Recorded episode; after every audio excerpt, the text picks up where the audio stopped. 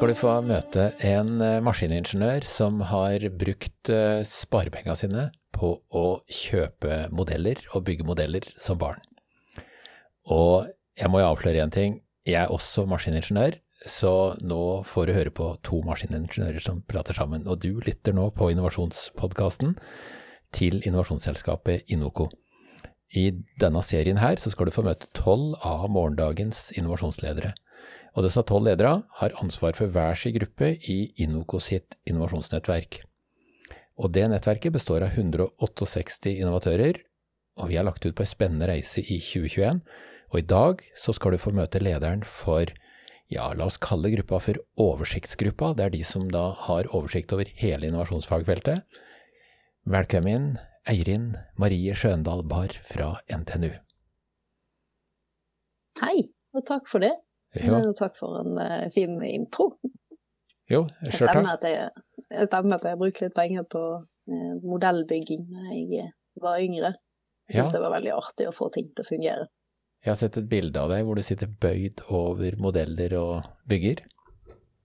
Ja, stemmer det. Det var gøyest med det som gikk litt fort. Men jeg kom aldri helt dit at jeg fikk kjøpt bensinmotorer da jeg var ni år. Men, eh, men eh, de eh, elektriske bilene som gikk opp i 50, det var kjempestas, husker jeg.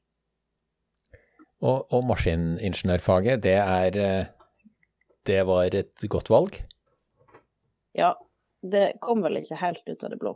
Siden jeg eh, har eh, fått lov å holde på og putle med ting helt siden jeg var liten, så har jeg jo alltid hatt interessen av å skru ting fra hverandre, og innimellom òg prøve å skru de sammen igjen. Eller kanskje prøve å skru de sammen igjen på en ny måte. Så, så jeg har alltid syntes det var veldig artig å få finne ut hvordan ting fungerer, og eventuelt se om jeg kan lage noen nye ting. Og se om jeg får de til å fungere. Vi er, vi er jo kollegaer da, for jeg kan jo også si at maskiningeniørvalget, det var et særdeles lykkelig valg. Så, så vi kan vel Ja. si til de som er der ute, maskiningeniør, folkens, det, det, er, det er studiet over alle studier. Ja, det, det kan jeg skrive under på. Det er utrolig spennende og utrolig artig. Og hvis man liker å få gjort om ideer til reelle produkt, så er det absolutt en fin studieretning å gå.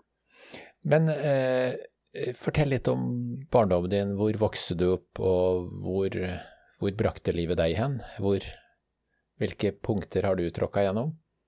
Jo, nei, jeg er jo oppvokst i Bergen kommune, innenfor det som kalles Bergens randsoneområde. Så det vil si ut på ei bitte lita bygd eh, innover mot eh, Voss og, og Raksdal. Um, og der har jeg vokst opp med å være en sånn sosialiseringsbarnehage bare et par ganger i uka. og resten av tiden så var jeg hjemme med besteforeldrene mine, mens mine foreldre var på jobb. Og mine besteforeldre var da allerede pensjonister, så jeg fikk lov til å gå rundt eh, mye på, på sjølsutstyr med tilsyn, men å få lov til å holde på og pusle med mitt. da.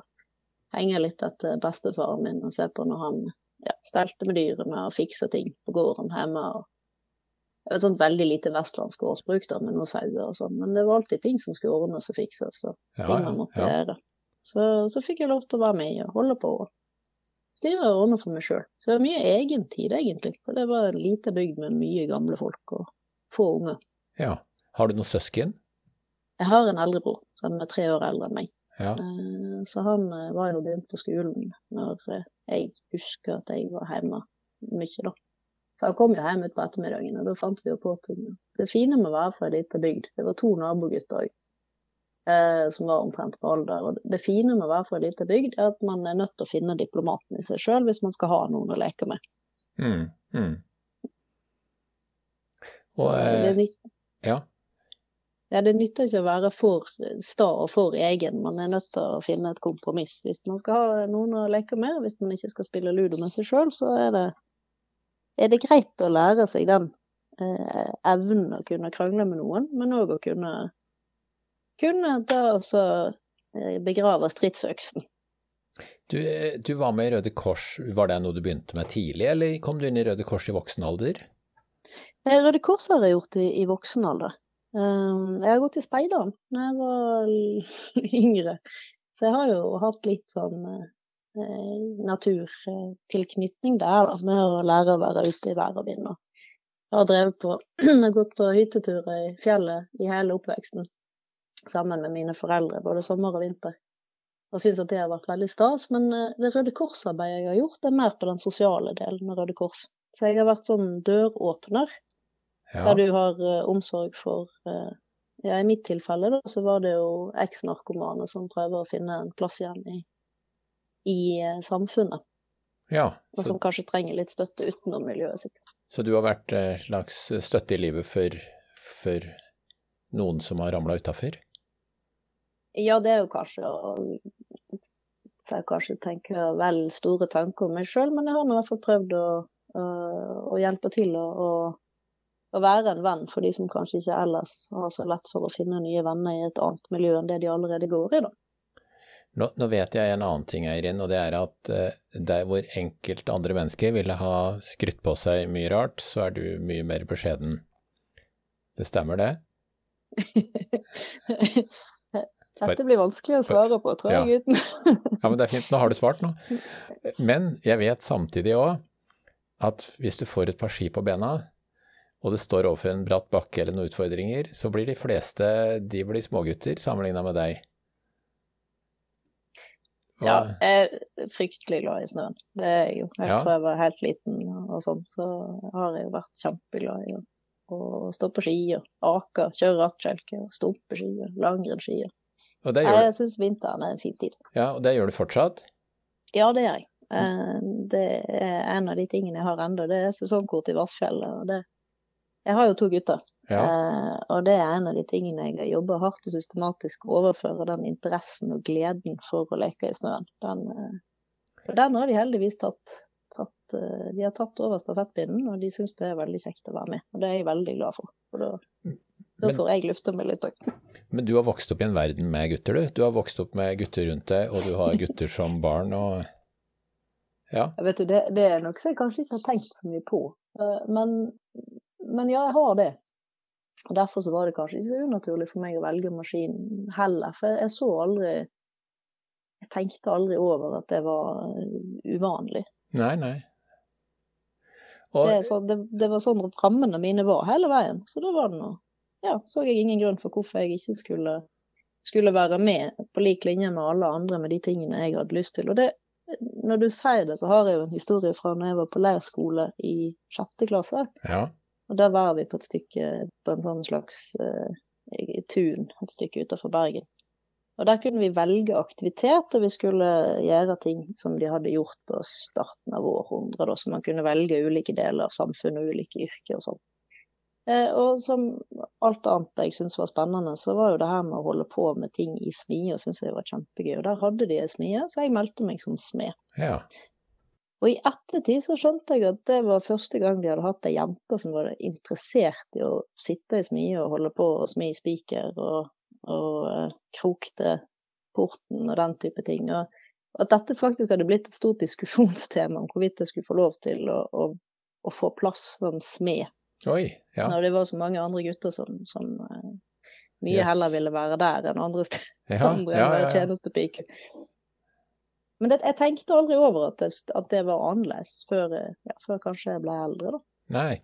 Du, jeg, jeg, du nevnte ordet tjenestepike, og eh, jeg- du er jo førsteamanuensis. Og eh, jeg slo opp en gang i ei fremmedordbok på amanuensis for å finne ut hva det var. Og akkurat i den boka så sto amanuensis oversatt som skriveslave. Så kanskje du har havna nå i, i den, eh, i den tjenestepikevarianten. Du er, du er faktisk første skriveslave på NTNU. Ja, nettopp, ja. Jo, nei, det har du nok rett i, men her er det nok en ganske eh, Det er ikke så kjønnsspesifikt, Nei, nok, heldigvis. heldigvis. Heldigvis er det begynt å bli en ganske Og du er, du er jo hvert på med mitt institutt. Ja, og du er jo med og smører ut eh, kjønnsforskjeller på bilfronten nå, for du har en jeg- Jeg vet at det er en dårlig samvittighet, men du har en Triumph Spitfire, en åpen toseter sportsbil, som eh, absolutt burde ha vært på veien, og som trenger litt TLC.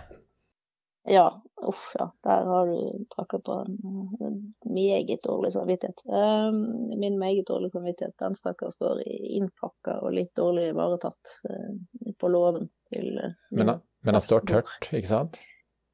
Ik- Ikke så tørt som jeg skulle ønske. Den er ikke helt tett, eh, låven. Den er pakka godt inn og prøvd å stå tett. Men Ja, Prøvd ja, ja, å laste av fjærene og sånn òg, men den trenger nok Den har sterkt behov for litt omsorg. Så Ja, det skjønner jeg. det er vel en av drømmene i livet at når jeg blir litt eh, eldre og får litt mer plass og bedre ro og god tid, så, så skal den få masse omsorg. Det høres ut til å bli mange år til. Men. Vi kan jo, til, til deg som lytter, da, så kan jeg si at nå har du hørt på to maskiningeniører som snakker om eh, kjærligheten til en sportsbil. Så bare legg merke til den empatien som kom til uttrykk her nå. Det er maskiningeniørens empati. Eh, Men eh, Eirin, du er Du jobber jo med innovasjon på NTNU i dag. Og bare si litt om hva var det som, som fikk deg til å begynne med innovasjon, og hvorfor snubla du borti det? Jeg tror kanskje Når jeg satt og så på, på de her eh, bildene fra meg som liten, og prøvde å tenke, tenke litt tilbake med akkurat pga. det spørsmålet du stiller nå, så slår det meg at jeg tror de aller fleste innoverer fra vi er helt små. Jeg tror det er noe som kommer, veldig naturlig. Altså vi, vi tester ut ting, vi ser hva som funker, vi skaper ting. Vi har en enorm skaperglede. Og det jeg heller lurer på, er når man slutter med det. Hvorfor slutter enkelte av oss med det? Hvis du ser på alle unger, så leker de. De lager nye leker, de, lager, de har nye ideer, de har nye planer for hvordan de, ja, hvordan de skal både samhandle, hvordan de skal få ting til å fungere, og de finner på de gøyeste ting. Så, så når slutter vi med det? Vet du hva, den, den eh, metaforen, eller, eller eh, ikke metaforen, men det du sier der, det er egentlig noe jeg har hørt mange ganger, men aldri på innovasjonsfeltet. Jeg har hørt i fjellklatremiljøet at folk spør når begynte du med klatring, og så sier folk jeg har aldri begynt med det, jeg drev med det hele livet, jeg slutta bare aldri. Eh, og da, nå tok du den over til innovasjonsfeltet, det er første gangen jeg har hørt. Ja, Og det er, det er jo ganske riktig at eh, vi, vi driver jo og er kreative og innoverer helt ifra, helt ifra starten av, og så slutter vi på et eller annet punkt.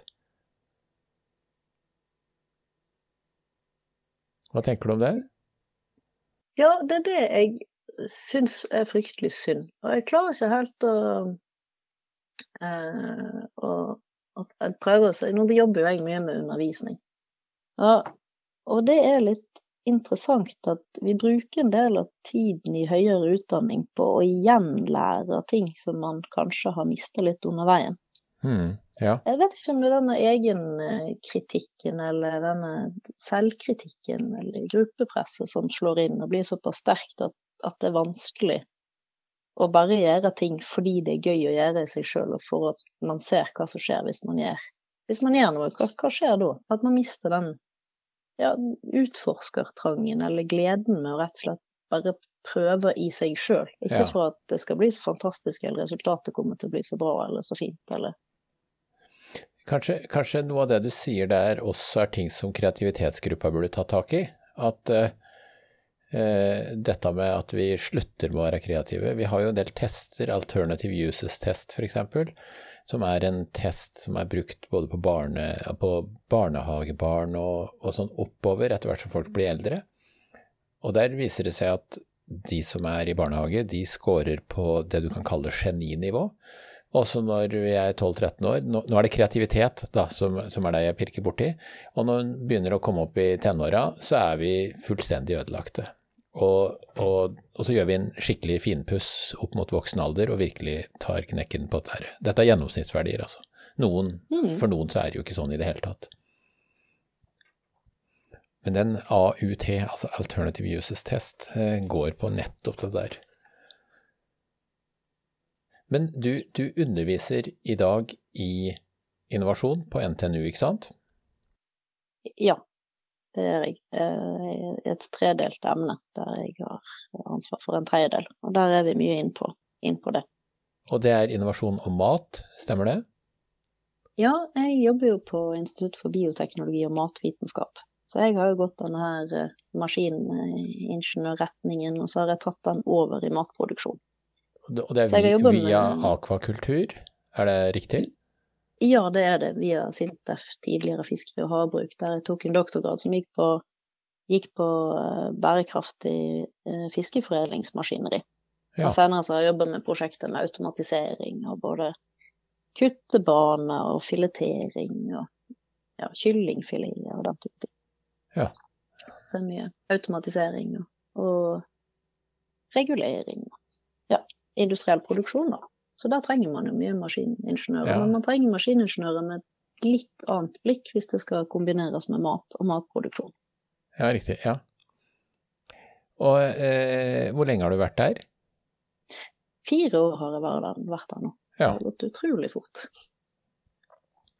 Og, eh, og, da har du jobba Du jobber også mye med sirkulærløsninger, kanskje? Eller eh, altså det å gå over fra lineær til sirkulær, eller er ikke det ting dere tar tak i i det faget deres? Jo, absolutt. Eh, jeg jobber jo eh, Jeg har jo et emne òg som heter bærekraftig matproduksjon. Ja. Og der eh, er jo det her med å forstå systemet og systemtenkning, og hvordan man kan endre systemet, hvilke konsekvenser det har da, spesielt knyttet til miljøproblematikk, er jo gjennomgående for hele emnet. Det, det, i, ja, fortsett du. Og i den, det emnet så har jeg òg innført et par forelesninger som går på, på produktutviklingsmetodikk, eh, der man prøver å se hvordan kan vi endre eh, løsninger for, eh, for å skaffe mer bærekraftige resultater, produkter osv. Ja, riktig. Ja. Det er én ting som forundrer meg, nå blir det en sånn betraktning utenfra, men når jeg ser på mine besteforeldre, så eh, ta min gamle bestemor, da. Hun tok vare på strikker og, og eh, hyssing og alle mulige ting og brukte opp igjen og reparerte. Og i dag så er vi så marinert inn i lineærøkonomien at eh, vi må, ta, vi må, gå på BI og ta mastergrad i sirkulærøkonomi for å få tilbake noe av det vi tapte, men bestemor og bestefar de hadde mastergrad i sirkulærøkonomi, de. Ja. Og, og det syns jeg er en sånn merkelig sak i dagens samfunn, altså at uh, vi har mista noe på veien. Ja, vi, absolutt. Altså ikke, og det, og det er jo veldig spesielt å tenke at vi har rigget et samfunn på den måten at det er billigere å ekstrahere og utvinne og lage eh, en, et engangsbestikk av et materiale som i utgangspunktet har en veldig, veldig, veldig lang levetid ja. eh, enn det er å investere i ting som kan brukes over veldig, veldig lang tid. Og det er også en annen ting, og nå, nå, snakker jeg sånn litt ut av eget hjerte, at når en ting har blitt reparert, da har tingen fått en helt ny verdi og et helt annet liv, og for de av dere som sitter der ute og lytter, og som bare driver og kaster, da har du ikke opplevd verdien av noe som er reparert både én og to ganger, og som du er så glad i at du ikke har lyst til å kaste for noe i verden. Det er en følelse som er helt fantastisk. Ja, det er jeg helt, helt eh, enig med deg i, Sjur. Og jeg, jeg, tror kanskje at det er noe av det som um, må gjeninnføres i større grad. Og det kommer mer og mer i grasrotbevegelse, dette her med love your clothes og, og redesign og den type bedrifter. Dukker det opp flere og flere av, og det syns jeg er veldig kjekt å se. At man får tilbake den gleden av å ta vare på ting. Ja. Og, og, gjøre noe nytt ut av noe man allerede har. Ja. Jeg, jeg, har, jeg, har, en bekjent eh, som også er godt voksen, som elsker å reparere. Han kom innom her om dagen og spurte skal vi starte eh, et firma som reparerer, altså reparatørene. Det finnes jo noen sånne, sånne type ting. Men eh, det er altfor lite av det. Men, men Eirin, eh, vi må gå videre til gruppa di. Hva er det gruppa di skal ta tak i? Altså, Hvilken faglig avgrensning eh, er det dere driver og ser på? Ja, og der er jo vi litt heldige, for vi har jo nesten ingen avgrensning i det hele tatt. Den eneste avgrensningen vår er jo kanskje mer hvor mye vi rekker å gå i dybden på alt. For vi er jo introduksjonskapitlet. Ja. Vi skal sette scener for alle de andre som skal få vise seg fram og skinne. Så her skal vi gjøre et, eh, et overblikk og et innsalg, og vi får lov til å kikke litt på, på helheten. Eh, og det tenker jeg vi er veldig heldige, vi som får lov til å holde på med introduksjonskapitlet. For vi får liksom det beste av, det beste av alt. Ja, det er hyggelig du sier. Dek, dek er jo en gruppe av mennesker som har lyst til å se helheten eh, og, og, totaliteten i hele fagfeltet vårt. Ja, ja det er vi. Og, og ikke minst, hvordan skal vi eh, presentere denne helheten eh, for å vise den fram til andre? For introduksjonen blir jo et slags vindu inn i innovasjonsboken. Ja, det er riktig. Eh, det kan være veldig greit å bare nevne, eh, jeg har nevnt i mange av de andre podkastene òg, men det er altså mulig å komme på besøk i andre grupper. Eh, så, så, det gjelder jo dine folk, Eirin. Hvis de er nysgjerrig på hva skjer i forretningsmodellgruppa, hva skjer i ledelse eller kreativitetsgruppa, så kan de kontakte lederen og og spørre om å få bli med på møtet. Og tilsvarende, hvis noen ønsker å være med i gruppa di, så er det jo deg de må ta tak i.